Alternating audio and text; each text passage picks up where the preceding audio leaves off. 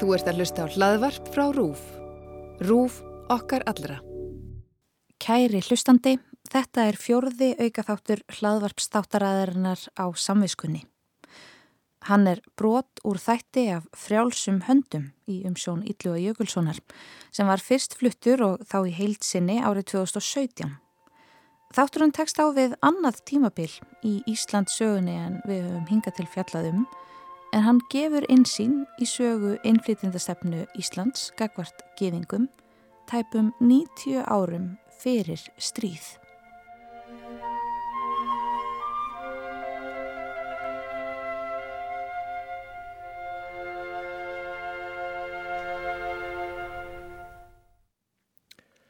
Ágætu hlustendur. Föstu daginn 1. júli árið 1853 var Alþingi Íslendinga sett í Reykjavík. Ég get við miður ekki upplýst ykkur um hvernig veðrið var en áður en þingið var sett þá var Guðstjónusta haldinn í Domkirkjunni í Reykjavík. Profesor Pétur Pétursson, doktor Teól og rittari af Dannebrók, pretikaði og lagði út af Kólosebrefi Páls Postula þriðja kapitula 17. versi ef einhvern kynnið að fýsa að fletta því upp. En síðan tók þingið til starfa og þurfti að sinna ímsum og harla fjölbreytilegum viðfangsefnum. Þingið hafði þá ný, tilturlega nýlega verið endurreist og fegst ekki síst við að taka við lögum frá Danmörku og samþykja þau en uh, hafði einnig töluverðan rétt til að leggja fram sín eigin mál og senda þau til konungs í Danmörku. Og uh, á þessu þingi árið 1853 var sem sagt fjallaðum sitt á hverju. Það var fjallaðum veiði á Íslandi Það var fjallaðum hvenar manntalsþing skildi haldið í norður múlasíslu um nokkrar breytingar á erðarlögunum og það var fjallaðum rekarétt fram og tilbaka. Ennfremur lagði konungsfulltrúi Pál Melsteð Amtmaður fram frumvarp til tilskipunar um stofnun barnaskóla í Reykjavík annað frumvarp um sunnu og helgidagahalda á Íslandi og það var lagt fram konungslegt áleitmat um matjarða á landinu. Og svo komu nokkrar tilskipanir frá Kaupmannahöfn sem alþingi var ætlað að afgreða. Yfirleitt voru þær afgreðtar með sem minnstum breytingum en þó fóru nú yfirleitt fram nokkrar umræður um slíkar tilskipanir. Tilskipanirnar að þessu sinni voru þær helstar, einn fjallaðum brentfrelsi, önnur um hvernig beita skuli ímsum tegundum hegningar erfiðis og uh, voru, þarna voru lög um auglýsingar í allt tóna er merkur að eh, konungi væri ekki lengur skilt að auglýsa í því bladi. Það kom Íslendingum í sjálfu sér ekkert við en þetta þurfti að samþekja úr því að það kom frá konginum. En svo var Íslendingum líka ætlað að afgreða lög frá 5. apríl 1850 þar að segja lög sem samþygt höfðu verið í Danmörku þremur árum fyrr um aðgang útlendra gýðinga til að dvelja hér í ríkinu. Og þetta ákvæði var í samræmi við það sem lögfest hafi verið í Danmörku og víðar og var til vittnis um aukið frjálslindi og umburðarlindi í garð gýðinga og reyndar bara yfirleitt þótt að frjálslindi hafi svo því miður ekki enst alveg nú lengi sem staðar. En í þessum þætti þá ætla ég að byrja á því að glukka í það hvernig íslenskir þingmenn afgreittu uh, þessi lög konungs um að gýðingum skildi vera heimilt að búa í ríkinu, þar að segja bæði í Danmörku og á Íslandi.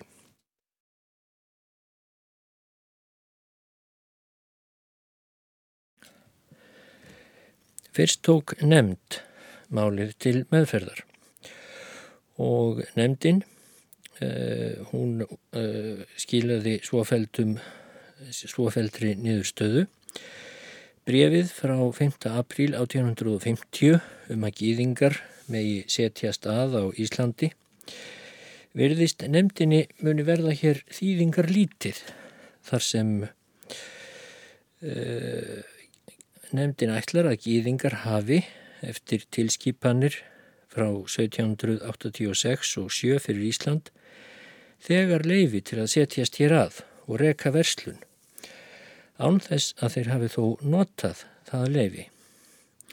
En þar er þetta getur þó eftirvill orðið efamál þá verðist nefndinni til þess að taka af öll tvímæli rétt að lagabóð þetta frá Kaupmannahöfn nái einnig gildi á Íslandi svo að gýðingum eftir leiðis sé heimilt að setja stað hér með sömu kjörum og sama skilirði og í Danmörku. En þótt þetta kynni að vera frekar einfalt mál, þá reyndist nú ekki vera svo. Viljálmur Finnsen, bæjarfókiti í Reykjavík, hann held ræðu um málið og sagði þar meðal annars.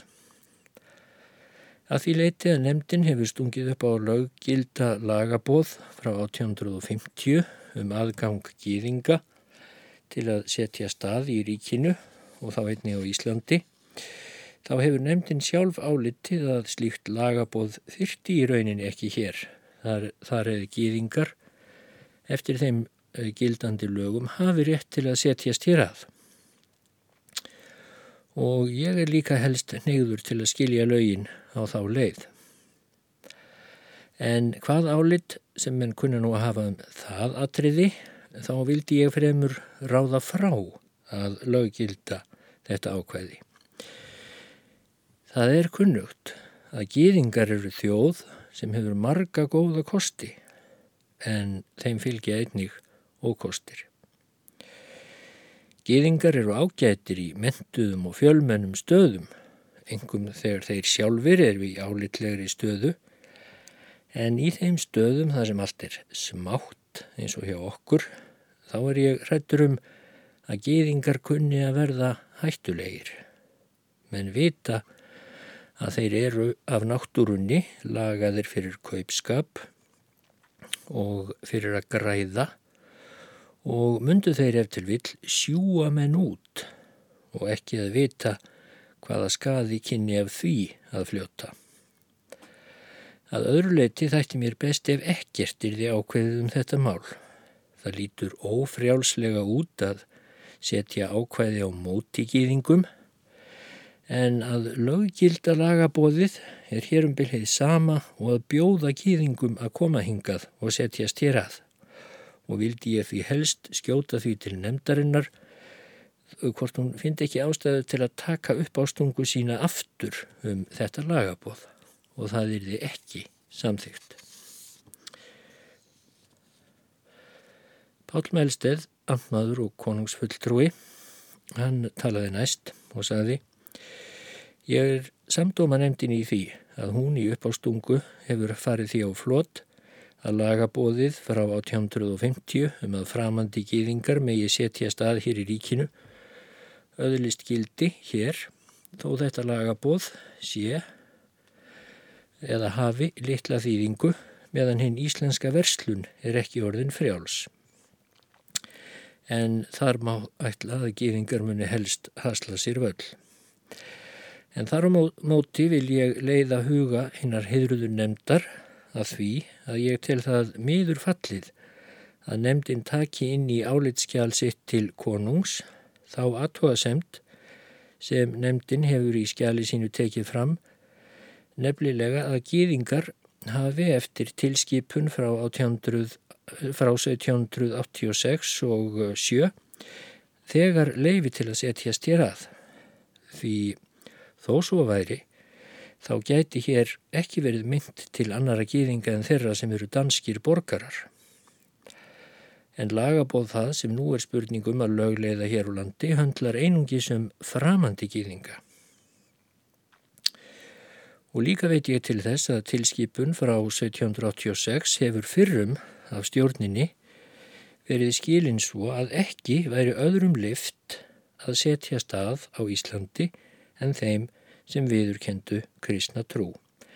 En að gýðingar væri útilokaðir frá því að setja stað á Íslandi. Og ég verðu og að viðurkenna að það er mín persónlega meining um þann rétta skilning þess lagabóðs. Amtmaður konungs vildi sem sagt meina að í reynd hefðu gýðingar ekki leifi til að setja stað á Íslandi nema í hæstalagi ef þeir væru danskir þegnar. Helgi Tórdersen biskup stóð þá upp og sagði á þessa leið. Mér virðist sem þetta mál mætti líka í þagnaðargildi. Ég er hrættur um heið sama sem sá heiðraði þingmaður hér á undan mér að þeir gýringarnir myndu verða oss kettni í kaupum og sölum og allri verslun og eins og því er háttað standa lítil heill af aðsetri þeirra hér. Ég veit að enginn tekur orð mín svo sem ég mæli á móti þeim trúarbræðana vegna. Mér líst best að láta sér linda þá eldri lögjöf en að vilja útvega sér nýja um þetta virðist mér eins og við séum beinleinis að falast eftir gýðingum en til þess finn ég ekkert tilumni. Það væri lítill vegur ef þeir sjálfur byttu um að meiga koma til vor en meðan ekki bryttir á því þá þykir mér í þessu hefni allur dagur til stefnu. Næst talaði Hannes Steffensen, prófastur í borgarfyrði og hann saði á þessa leið ég vil ekki banna gýðingum að koma hingað vegna trúarbræðana heldur að því að þeir hafa nóg í því leifi sem þeir hafa nú þegar. Fátækt og tortrygni fólks hér á landi verður líka að mæla á móti því að þeim sé bóðið að koma hingað. Pétur mikli rúsakeisari sagði að hann treysti að vísu rúsum sínum að sjá við verslunar prettum gýðinga en þeir myndu ekki þrýfastar og sama kynni að verða upp á fyrir þeim þóttir kemur til Íslands gýðingarnir og ég vil því ekki narra þá hingað. Nú tók nefndin málið aftur til meðferðar og skilaði nýri niðurstöðu og framsögum aður nefndarinnar Jón Guðmundsson sem var úr Reykjavík en þingmaður fyrir Skaftafellsíslu. Hann mælti svo um lagabóðið frá 1850 er það að segja að nefndinni fannst ekki verið ástæði til að meina geðingum að setjast hér að úr því að þeim væri liftað allstaðar annar staðar í ríkjum Danakonungs. Af þessu rannsakaða nefndin þá hérna eldri lagastaði sem hér voru gildandum þetta mál og fann hún þá fyrst að í tilskipun frá 1786 leifir aðeins öllum trúabræðaflokkum kristinar trúar að hafa hér við trúarbræða yfganir sínar. Þetta nær því auðsjámanlega ekki til gýðinga. Þeim er því ekki lift að hafa hér sínar trúarbræða æfingar samkvæmt þessum lögum. En aftur segir í tilskipun sem sett var árið setna Þannig mega útlendir menn framvegis eins og landsbúar á Íslandi bæði fá jarðir til leigu og til egnar með öllum sama rétti og svo framvegis. Og það án all, all, alls mismunar á því hvort þeir eru innlendir eða útlendir eða hverra trúarbræða sem þeir eru. Þetta áleit nefndin svo almenna og undan tekningarlösa laga ákvörðun að hún hliti einnig að ná til gýðinga. Því áleit nefndin að gýðingum væri vafalust heimilt að setjast hér að, að versla hér og kaupa jærðir og svo framvegis, en þeir mættu þó ekki hafa hér við trúarbræða yfkanir sínar. Þannig komst nefndina þeirri niðurstöð að réttast myndi vera að þetta lagabóð yrði einnig upphafið og gýðingum yrði einnig leift hér eins og þeim er leift í Danmörku að hafa hér ofinberlega við trúarbræða eðganir sínar til dæmis í samkundu húsum sínum úr því þeim væri þó leift í eldri lögum að setjast hér að. Eða með öðrum orðum að gýðingar mættu setjast hér að með sömu skildum og réttindum sem í Danmörku. Og þó hinn háttvirti konungkjörni þingmaður virðist að hafa nokkuð til síns mál sem um það sem hann áleiti í sjár og var verðt við komu og aðsettur gýðinga hér. Og hér er Jón Guðmundsson að tala um rauksendir Viljáns Finnsens. Þá gatt hvorki nefndin nýja enn gert eins mikið úr því eins og hann gerði og Viljálmur Finnsen kom þá aftur í pontu og sagði Mér skilst að nefndin vil ég gefa gýðingum fulli réttindi en mér finnst það nokkuð ísjárvert með þessu lagabóði að gefa þeim þannig öll þessi réttindi. Því það er þó margt sem þurfti að hugsa um áður. Ég vil til dæmis benda til hvaða lög ætti að gilda um giftingar millir gýðinga og kristina, hvernig trúarbræða réttindum þeirra hér skildi varið og svo framvegis. Og Hannes Steffensen, hann tók að ímsuleiti undir þetta. Það getur verið að ímislegt sé ískikilegt og varhugavert við að hleypa gýðingum hér inn. Og þar á meðal það sem fyrirnemdur þingmaður reyfiði fyrir skemstu um giftingar og milli kristina og gýðinga. En Auðvitað er að ef fallist yrði á uppásnungu nefndarinnar í þessu efni þá yrði hér einnig að einleiða þau lög sem þar að litu og gilda nú í Danmörku, bæði um giftingarnar og líka til að mynda um löglegan eigð gýringa sem þeir, þar sem þeir annars eru í kristnulandi, verða að vinna í samkundu sinni eftir lög ákveðnu formi. Jón Guðmundsson, fórsprakki nefndarinnar, let sig ekki þrátt fyrir andmæli þingmanna sem fundu því allt til foráttu að settir því sérstætt ákvæði í íslensk lög um að gýðingum er því heimilað að setja stað á landinu. Nemndin skilaði nýri nýðurstöðu þar sem hún uh, mæltist til þess að laga bóð frá Danmörku um rétt útlendra gýðinga til að halda sig hér í ríkinu verði löglegt þannig að gýðingum sé heimilt eftirleiðis að setja stað hér með sömu kjörum og réttindum og í Danmörku. En enn fórum enn ekki sáttir.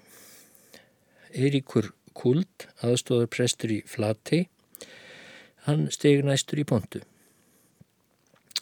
Ég skil upp ástungu nefndarinnar svo að hún vilji bjóða gýðingum til vor eins og vinum en mér dettur þá í hugað byggja að við er varðveitumst frá slíkum vinum.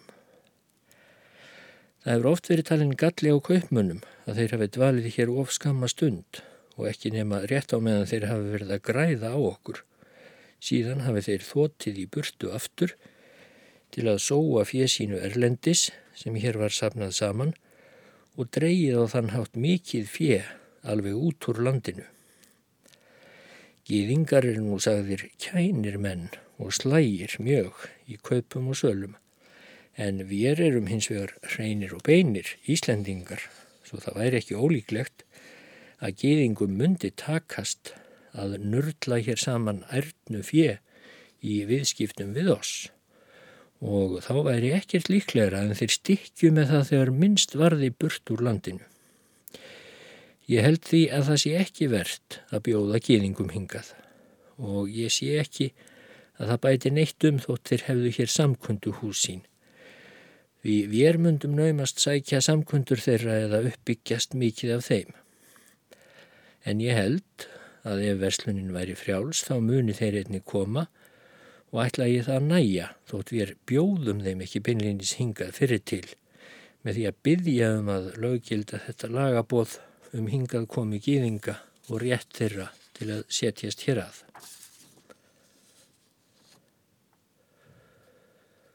og síðan sagði Hannes Steffensen, þetta voru meira minn allt guðusmenn sem stigu í pontu til að mótmæla ákvæðinu um gýðingana, en þó ekki alveg.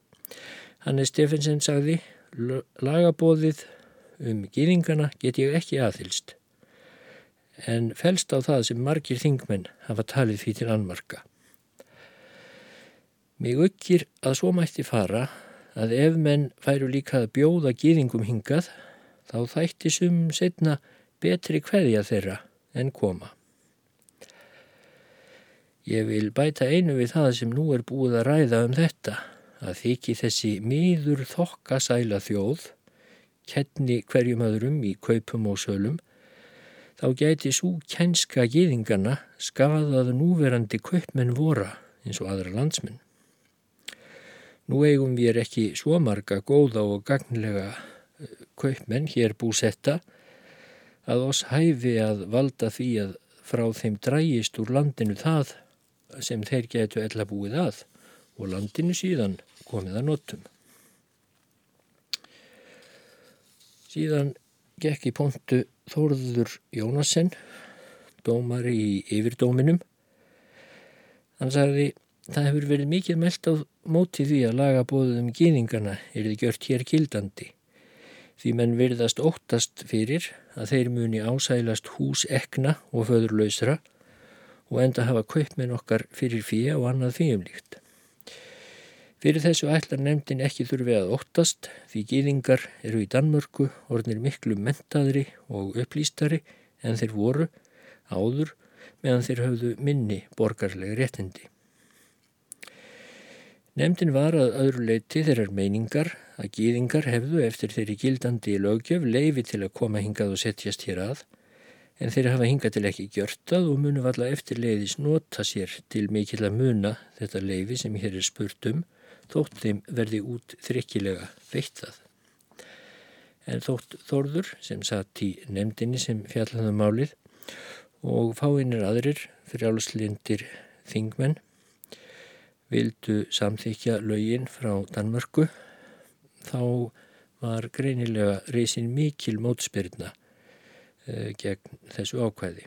Ásker Einarsson, bondi í Strandasíslu, hann sagði í síðustu umferð umræðinanna Það má segja um gýðingana eins og sagt var um bílætið í kirkjunni, enginn gefur honum ljós. Gýðingunum er borð á brína þessu fjegjarnir og muni fjefletta aðra og muni í villu leiðast jafnvel út valdir nefnilega kaupmennir okkar. En ef gýðingarnir settust hér að þá sínist mér ekki ómögulegt að þeir getu dreyið fjö inn í landið þegar frjálsverslun væri komin. En allt kom fyrir ekki, nefndin sem fjallaðum málið varð þess glöglega vor að meiri hluti þingmanna var á móti því að samþykja lög af óta við að hingað færu að sækja geðingar. Og niðurstaða nefndarinnar var því að lokum svo lagabóðið um að geðingar mættu koma til Íslands og taka sér hér samastað. Það fann þingið ekki ástæðu til að byggja yðar konunglegu háttegn um að leiða hér í lög Bæði af þeirri ástæðu að þingiði hlautað á lítið að gýðingar myndi ekki verða landi þessu eins og hér hagar nú til, til uppbyggingar og líka vegna þess að ímislegar ákvarðanir gýðingum viðkomandi sem út eru komnar í Danmörku hafa hér ekki lagagildi og geti það leitt í upp á komandi tilfellum, vanda og vafa.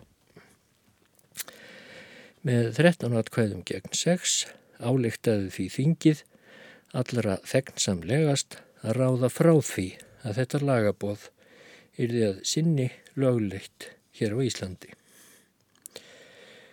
Þannig báðust Íslandingar undan því að hafa í sínum lögum sérstakt ákvæði um að gýðingum væri heimilt að búa hér.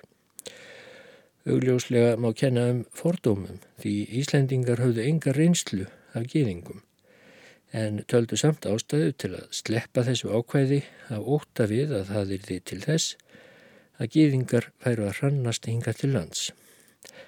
Staðalýmyndir sem nú heita svo um gýðinga sem sérstaklega kæna kaupmenn sem sættu færis um að svindla á hennum réttu og sléttu Íslendingum hafa greinilega haft mikil áhrif.